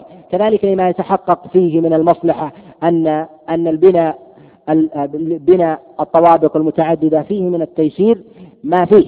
فإن الخيام إذا كانت خيام واحدة متجاورة تأخذ من المساحات الشاسعة ما يتزاحم فيه الناس كذلك فيه دفع للمشقة بزحام الناس وتحقيق المصالح من جهة النفرة إلى المشاعر وكذلك النفرة إلى الطواف والإفاضة بالبيت ورمي الجمرات ونحو ذلك فيتحقق فيه ما يتحقق. ومعلوم أن أن المباني لو بنيت طوابق متعددة لعشر وعشرين ونحو ذلك فإن هذه لو وضعت على شكل خيام أخذت مساحات طويلة من الكيلو مترات وهذه يحتاجها الناس من جهة آه، مرورهم وكذلك آه، وضع أماكن لهم كأماكن للعلاج والراحة وأخذ الطعام ونحو ذلك مما مما هو مما هو معلوم.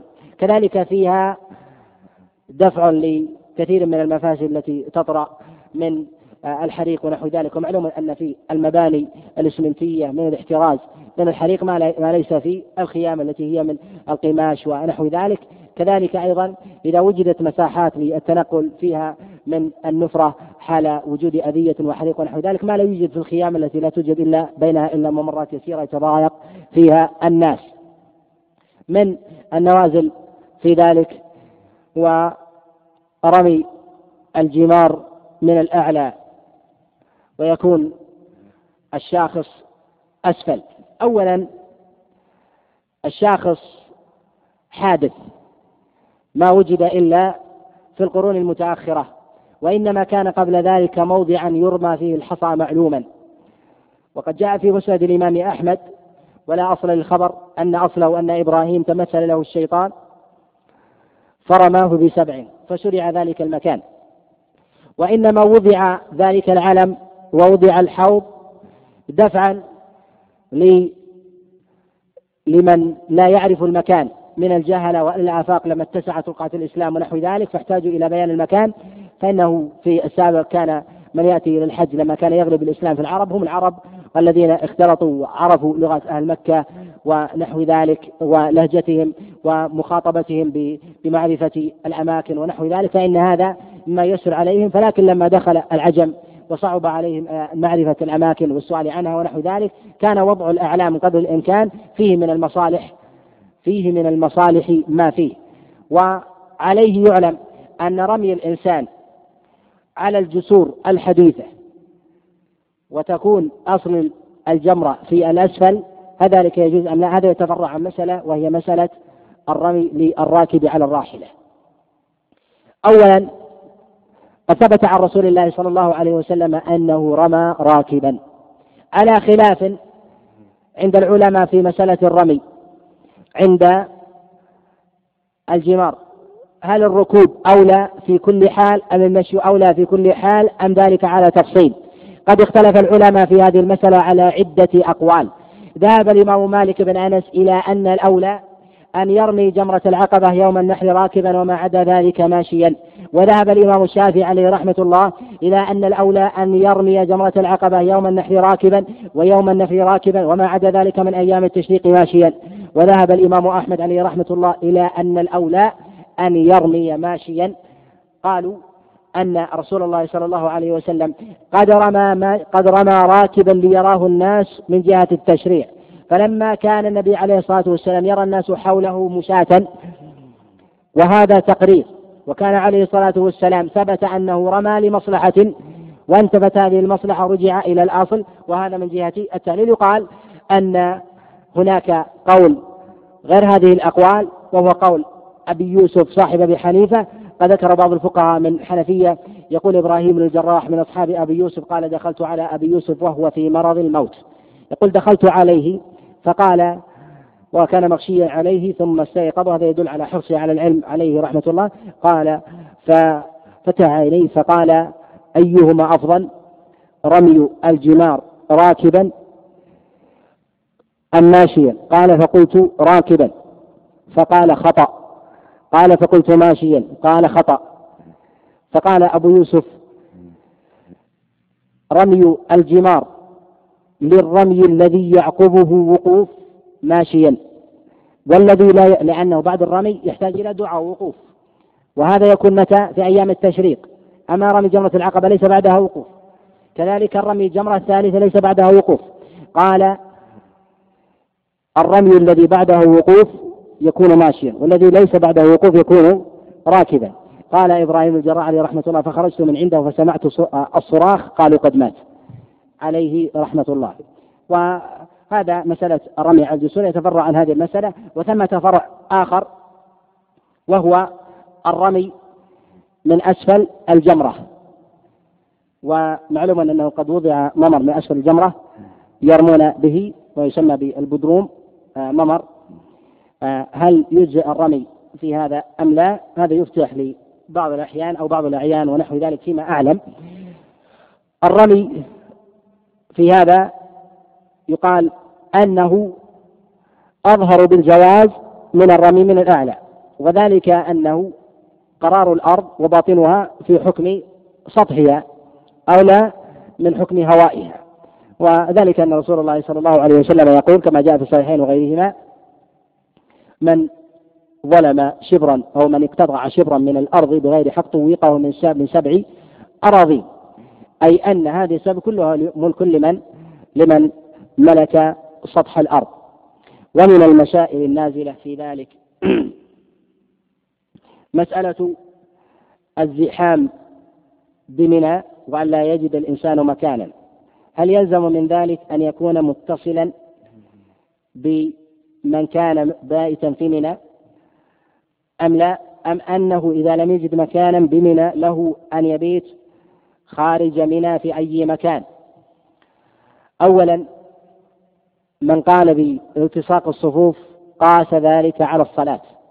قال الصلاة حينما يصلي الجماعة ويخرج الصف عن المسجد لا بد فيه من اتصال الصفوف. عندي هذا أنه قياس مع الفارق. وذلك أنهم لا يسلمون بوجه من الوجوه وهو أنه لو قيل أن أن الذين يبيتون بمنى قليل عشرة آلاف. هل يجب التصاق الصفوف كالصلاة؟ فلو صلى في المسجد ثلاثة يجب أن يصفوا. لكن لو بات في منى ألف أو عشرة آلاف هل يجب أن يكونوا متلاصقين؟ لا يجب. إذا فهو لا يتفق من جميع الوجوه.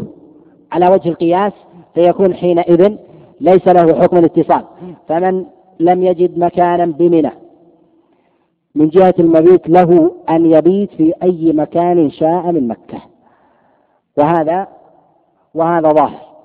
ثم أن المبيت وضع لمصلحة رمي الجمار على الظاهر فهو يبيت لكي يرمي يرمي من من الغد.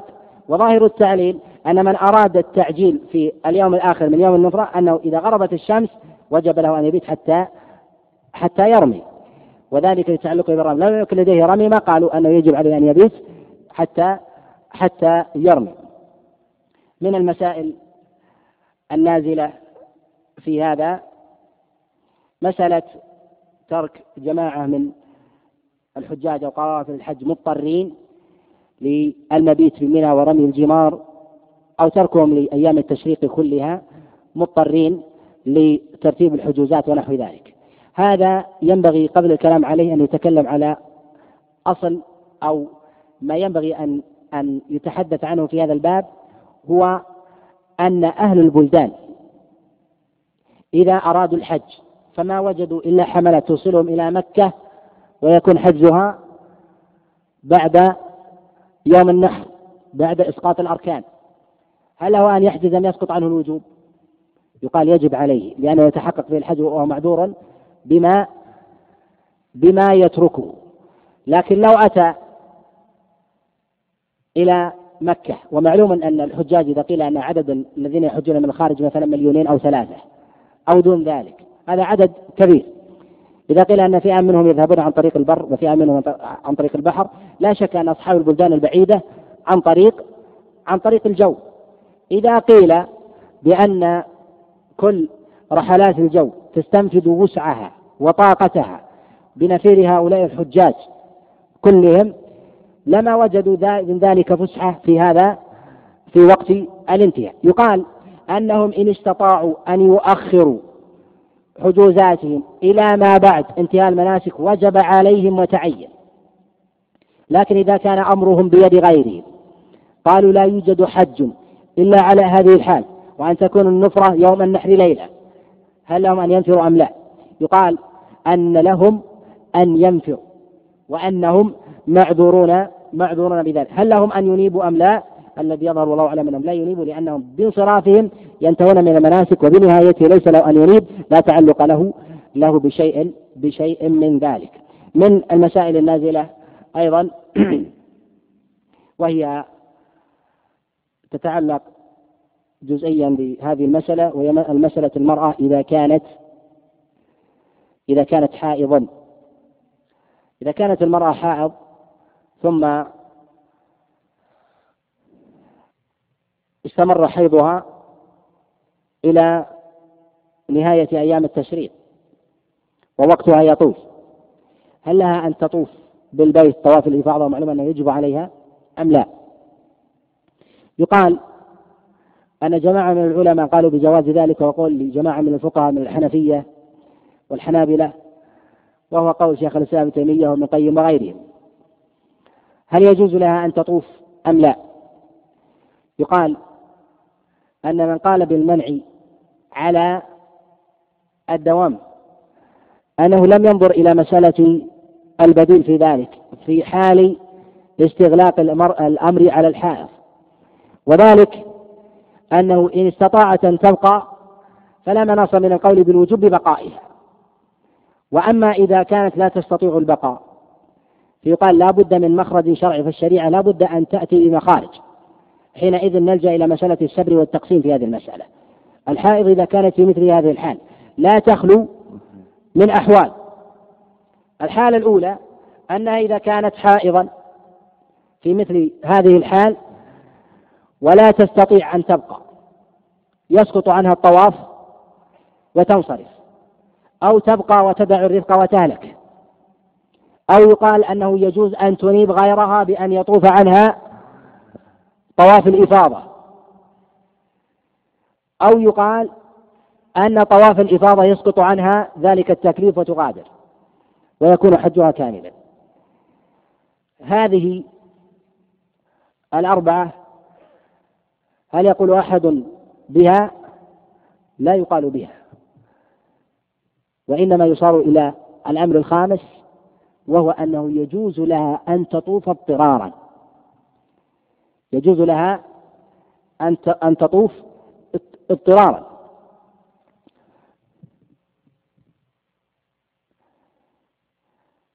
كذلك من المسائل هنا مسألة التعجيل أن هناك من تدعوه الحملات إلى البقاء بعد انتهاء المناسك في مكة. هل ذلك له أن يبقى إذا وجد مخرجا ولو بكلفة أن يغادر أم لا؟ يقال أن هذا يتعلق بالسنية. وهذه سنة يجرها كثير من الناس وهي أن الإنسان إذا انتهى من المناسك ينبغي له أن يغادر. قدر إمكانه. وهذا هو سنة رسول الله صلى الله عليه وسلم. يقول النبي عليه الصلاة والسلام كما رواه البخاري ومسلم من حديث أبي هريرة قال السفر قطعة من العذاب. يمنع أحدكم طعامه وشرابه ونومه. فإذا قضى أحدكم نهمته فليرجع إلى أهله. جاء عند الدار قطني والبيهقي من حديث هشام بن عروة عن أبيه عن عائشة أن رسول الله صلى الله عليه وسلم قال السفر قطعة من العذاب. يمنع أحدكم نومه وشرابه وطعامه فإذا قضى أحدكم حجه فليرجع إلى أهله فإنه أعظم له. تكلم بعض العلماء في زيادة الحج وكأن البخاري عليه رحمة الله تعالى يدخلها في هذا الباب لهذا أورد حديث في كتابه الصحيح حديث السفر قطعة من العذاب قال فليرجع إلى أهله أوردها في آخر كتاب المناسك في أبواب الحج والعمرة.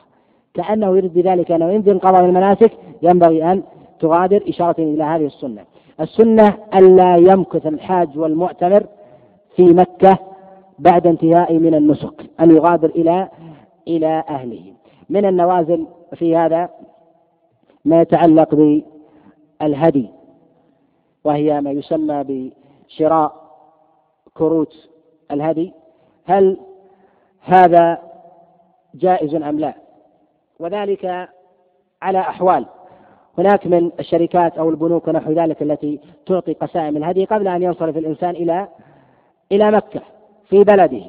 وهناك ما تكون قد وضعت أشبه بالدكاكين في تبيع القسائم ونحو ذلك. فلا يعلم الإنسان هل تذبح أم لا. يقال أن الغالب في أمثال هذه الثقة فلا ينبغي النظر إلى مسألة التشكيك وإنما ينظر إلى ما هو غير ذلك. أولا يرجع هذا إلى مسألة الهدي والهدي واجب على المتمتع والقارئ ومستحب للمفرد والمعتمر على وجه العموم. وهذا من السنن التي يفرط فيها كثير من الناس فيظنون أنه ليس على المفرد هدي بل أنه ليس عليه على وجه الوجوب لكنه يستحب له أن يهدي. كذلك مسألة الإكثار من الهدي. إذا استطاع الإنسان أن يكثر من الهدي فليهدي. سواء كان معتمرا أو حاجا بل كان رسول الله صلى الله عليه وسلم وهو ليس بحاج ولا معتمر يبعث بهديه وهو من المدينة لكي يذبح بمكة. وهذا أيضا من المسائل التي هجرت. أن يبعث الإنسان يقول اذبح لي بمكة كذا كما فعل النبي عليه الصلاة والسلام. ومسألة هذه الكروت أولا ينبغي أن يقال أن فيها جملة جملة من السنن جملة من السنن تسقط بهذا وهي أن النبي عليه الصلاة والسلام قد قلد الهدي وذهب ذبح هديه بيده وأكل من لحمه وكل هذه من السنن تسقط بمسألة بمسألة شراء هذه الكروت.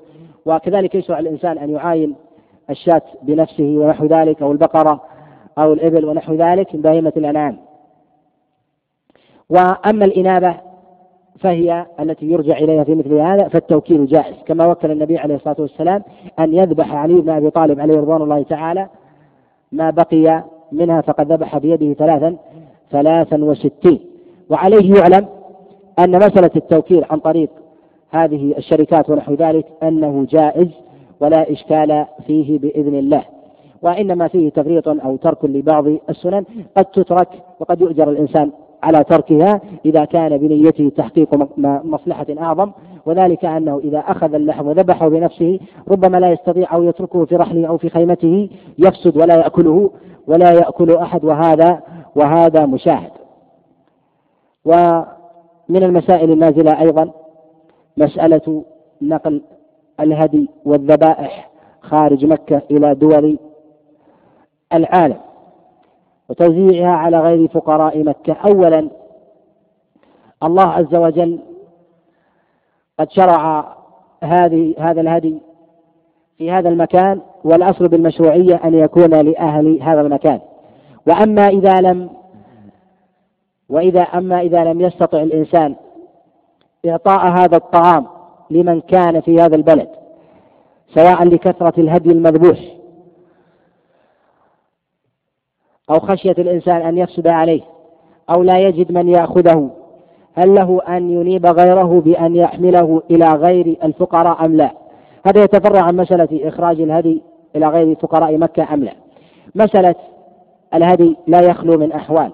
الحالة الأولى مسألة هدي الإحصار لمن أحصر سواء في مكة أو غيرها. الهدي هذا ليذبحه الإنسان في مكانه سواء كان في مكة أو في غيرها ويوزعه على من حوله وإن خرج به جاز عند عامة العلماء. وكذلك مسألة فدية الأذى. معلوم أن فدية الأذى إذا وقع الإنسان في شيء منها كمسألة حلق الرأس لمن أذاه هوام رأسه به أذى ونحو ذلك فإنه يفدي. هذا يقال أنه لفقراء مكة على الأصل كما قال الله جل وعلا هديا بالغ الكعبة. أي عندها ولأهلها ومنصرف بأهلها إذا لم يستطع الإنسان وكان ثمة مصلحة أعظم وهي أن هذه اللحوم بين أمرين. الأمر الأول إما أن تفسد ولا يوجد من يأكلها وإما أن تدفع لمن هو خارج الحرم وإما أن يوجد أماكن تحفظ هذه اللحوم من الثلاجات والبرادات ونحو ذلك وهذا قد يكون متعذرا إذا كان الذبح بالملايين. وهذا فيه من الصعوبة ما فيه أن يوجد مخازن لأمثال هذه اللحوم بالكميات ونحو ذلك. فيه فيه من المشقة المالية والتكاليف ونحو ذلك ما فيه. عليه الذي يظهر والله أعلم جواز إخراج الهدي لهذه المصلحة فحسب ودفعا لهذه المفسدة أن تخرج إلى غير الفقراء ولولا عن الإنسان أن يأتي بسنة رسول الله صلى الله عليه وسلم قدر إمكانه أن يذبح هديه بنفسه وأن يأكل منه وأن يوزع ما استطاع على فقراء مكة. نقف على هذا القدر ولعل فيما ذكر كفاية. كان فيه مسائل.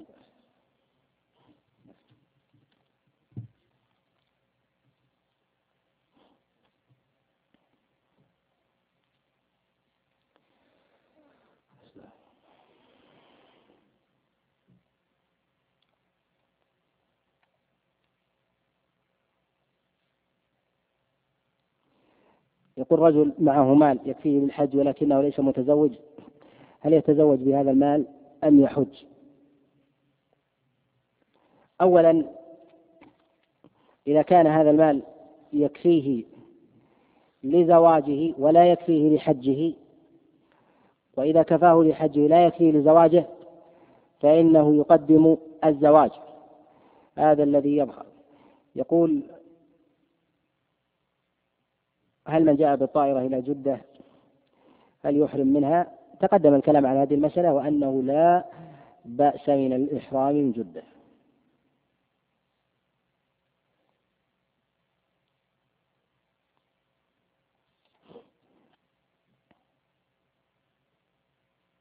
يقول هل لآخر ساعة في يوم عرفة قبل غروب الشمس ميزة عن غيرها؟ أولا أفضل وقت عرفة هو ما شهد فيه النبي عليه الصلاة والسلام بالدعاء وهو بعد انصراف النبي عليه الصلاة والسلام من الصلاة وانتهائه من خطبته عليه الصلاة والسلام. ثم بعد ذلك قام يدعو إلى غروب الشمس كلها سواء. لم يرد فضل في وقت عن غيره.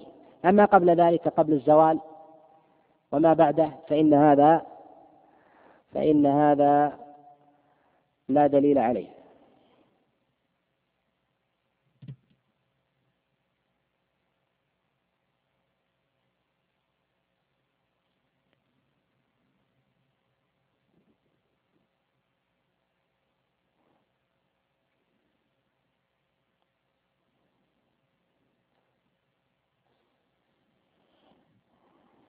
الوقوف يوم التروية وليلها لا يجزي عن الوقوف بعرفة. لا بد من الوقوف بعرفة يوم عرفة ليلا أو نهارا.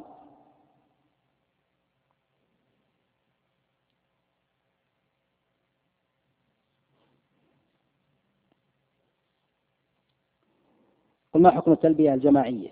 التلبية الجماعية لا دليل لا دليل عليها، قد جاء في ذلك أثر عن عمر بن الخطاب عليه رضوان الله تعالى أنه كبر بخيمته فكبر أو ضجت منها تكبيرا. فهم منه بعضهم تلبية تلبية جماعية وفيه نظر.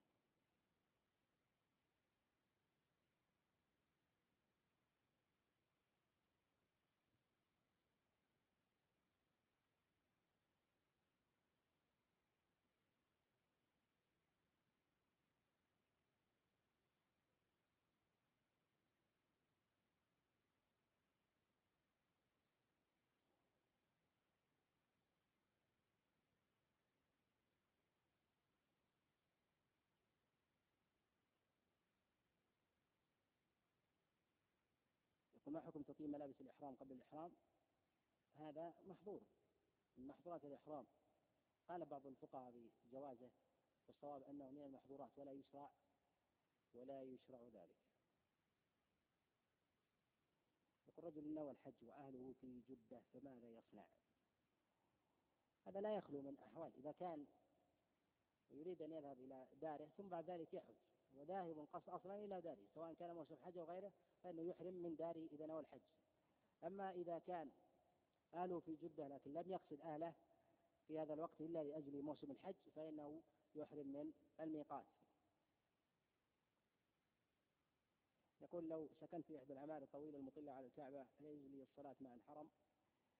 مأموم من غرفتي ونحو ذلك. يقال إذا اتصلت الصفوف وكان زحام لا حرج في ذلك. ثبت عن غير واحد من الصحابة أنه صلى بدكان وثبت عن بعضهم أنه صلى على سطح المسجد ومنهم من صلى وبينه وبين المسجد الطريق. روي هذا عن عبد الرحمن بن عوف وأنس بن مالك وعمار وأبي هريرة.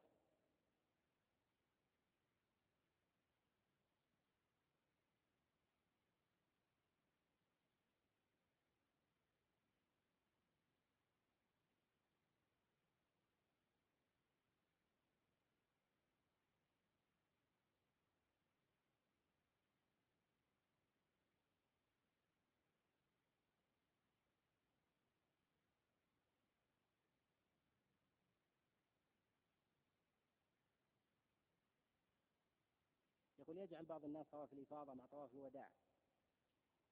متذرعين بمسألة الزحام. لا بأس بذلك. أن يؤخر الإنسان طواف الإفاضة إلى طواف الوداع فيكون آخر عهده بالبيت الطواف إذا خشي الزحام. لأن طواف الوداع ليس مقصودا بذاته وإنما أن يكون آخر بيته ووداع البيت بهذه الصفة. كمسألة تحية المسجد. لما يأتي الإنسان قاصدا للمسجد فتحيته أن يصلي ركعتين لو وافق صلاة فريضة يصلي الفريضة ويدخل في حكمها يدخل في حكمها الركعتان يقول ما الأولى الحاج في الحج يتفرغ العبادة والذكر أم الأمر بالمعروف والنهي عن المنكر؟ الأولى أن يتفرغ للعبادة والذكر والدعاء. النبي عليه الصلاة والسلام مع أنه حج جماعة من أصحابه معه قال أبو زرعة أنهم نحو من 120 ألفا. مع ذلك النبي عليه الصلاة والسلام ما خطب إلا إلا أربع مرات في حجته كلها. وقال بعضهم أنها ثلاث. ومعلوم أن جاء معه ناس قد قدموا إليه من اليمن وناس قد قدموا إليه من البوادي ونحو ذلك. والنبي عليه الصلاة والسلام لديه غلبة ظن من ربه أنه لن يحج بعد هذا العام. لهذا قال لعلي لا أراكم بعد عامي هذا. ما قال عليه الصلاة والسلام جمع هذا الناس لا يتحصل إلا في مثل هذا الموقف. فعلي أن أبلغهم وأعلم الجاهل وأبين ونحو ذلك. لهذا يعلم أن في مثل هذه الأوقات ينبغي الإنسان أن ينصرف بالعبادة ويقول للناس ادعوا. ربما يدعو الإنسان بدعوة تكون فلاحا له في الآخرة. لأن الله عز وجل أقرب ما يكون لعباده مثل هذه الأيام خاصة يوم عرفة. أما أن ينشغل الإنسان وهو محرم يذهب هنا وهناك في محاضرة عند في الخيمة الفلانية ومحاضرة مكان الفلاني وكلمة بعد الصلاة الفلانية في الليل والمساء وينشغل الناس عن العبادة والدعاء. قد يقول قائل أني إذا لم أفعل بالناس هذا الشيء أو لم أجعل الكلمات في الحملة بعد كل صلاة الناس ينشغلون بالحديث ونحو ذلك. نقول تذكير الناس بأهمية هذا فضل هذا اليوم كفى وكذلك أيضا هذا لا يعني أن الإنسان لا ينكر المنكر إذا رآه لكن لا يتتبعه. المسألة ليست مسألة يسأل الإنسان البحث عن المنكر حتى يزيله. إذا وجد المنكر في طريقه ينكره. إذا ما وجده لا يتتبعه وهذا هو الأولى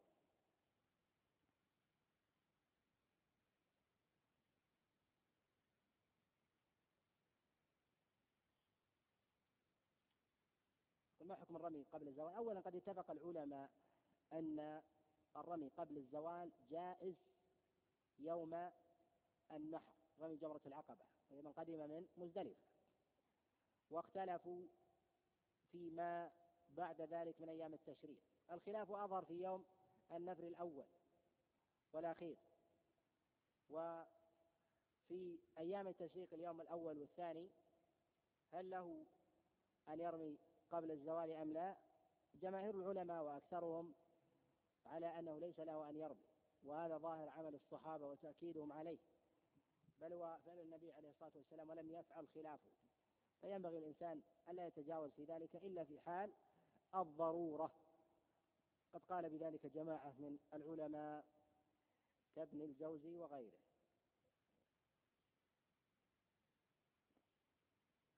يقول زيادة وجهه في الحديث الذي وقصته ناقته معلولة.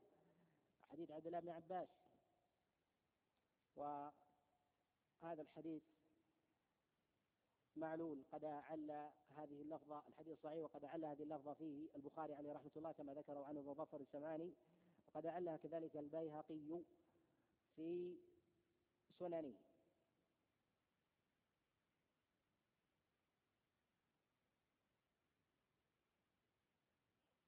يقول إذا منع الإنسان من الدخول إلى مكة وأزم على لبس المخيط فما الحكم؟ لا يلبس المخيط. إذا أجبره التفاتيش ونحو ذلك على لبس المخيط ثم يتجاوز. أو يقول إني الحيلة أني ألبس مخيط ثم أتجاوز فإنهم لا يسمحوا لي إلا بمثل هذه الحال. يقال لا لأن المخيط علامة على التحلل. وألا ولا تدخل مكة إلا بمثل هذه الصورة إلا وأنت حل هذا نوع الخطاب الذي يوجه لك أنه لا يجوز ويمنع لك أن تدخل المكة مكة محرما. إذا كان كذلك وفعلت هذا الفعل ظاهره أنك حلال. لهذا لا يجوز الترخص في ذلك. يرجع الإنسان ويكون ويكون محصرا. يقول هنا آه، هل يصح مسألة الوقوف بعرفة بالمروحية لمن؟ يقال هذا أن هذا يحتاج إليه. وقد سئلت عنه قبل أيام في الوقوف بعرفة لبعض الذين يقومون بمهمات لمصلحة الحجاج مهمات صح صحية للنظر أو تنظيمية للنظر أماكن الازدحام ثم توجيه من في الأرض للنظر لذلك الازدحام أو النظر مثلا إذا كان في حالة إغماء ونحو ذلك أن يتوجه الناس لها أو كذلك الذين يتبعون لمسألة الدفاع المدني بتتبع الحرائق ونحو ذلك. هل يعتبر وقوفهم في أمثال هذه المراحل؟ معلوما أنهم يبقون في جو عرفة طول عرفة. ثم بعد ذلك ينصرفون معهم إلى إلى مزدلفة. هل يكون قد وقفوا بعرفه إذا نووا الحج؟ يقال أنه يعتبر وقوفا بعرفه وهذا ظاهر.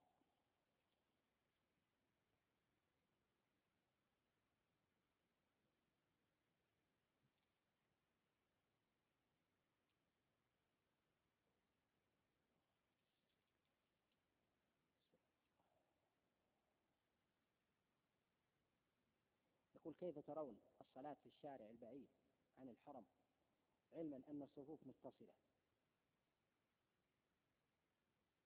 هل يصلي معهم قرب الفندق؟ كون الصفوف متصلة ولا يعلم ولا يسمع أم يصلي منفردا في الفندق ونحو ذلك؟ إذا اتصلت الصفوف جاز له أن يصلي؟ أن يصلي في الدكان؟ أو في أثياب الفنادق؟ أو في الفندق إذا كان مشرفا على الحرم ومشرفا على ذلك الزحام؟ وهذا قد جاء عن بعض الصحابة كعبد الرحمن بن عوف وأنس بن مالك أنه صلى في دكانه وبينه وبين المسجد الطريق. فيظهر أنه فصل بينه وبين الطريق لكن كانت الصفوف مزدحمة وذلك لعلة لعلة لعلة الزحام. وصلى الله وسلم وبارك على نبينا محمد وعلى آله وأصحابه ومن تبعهم بإحسان إلى الدين.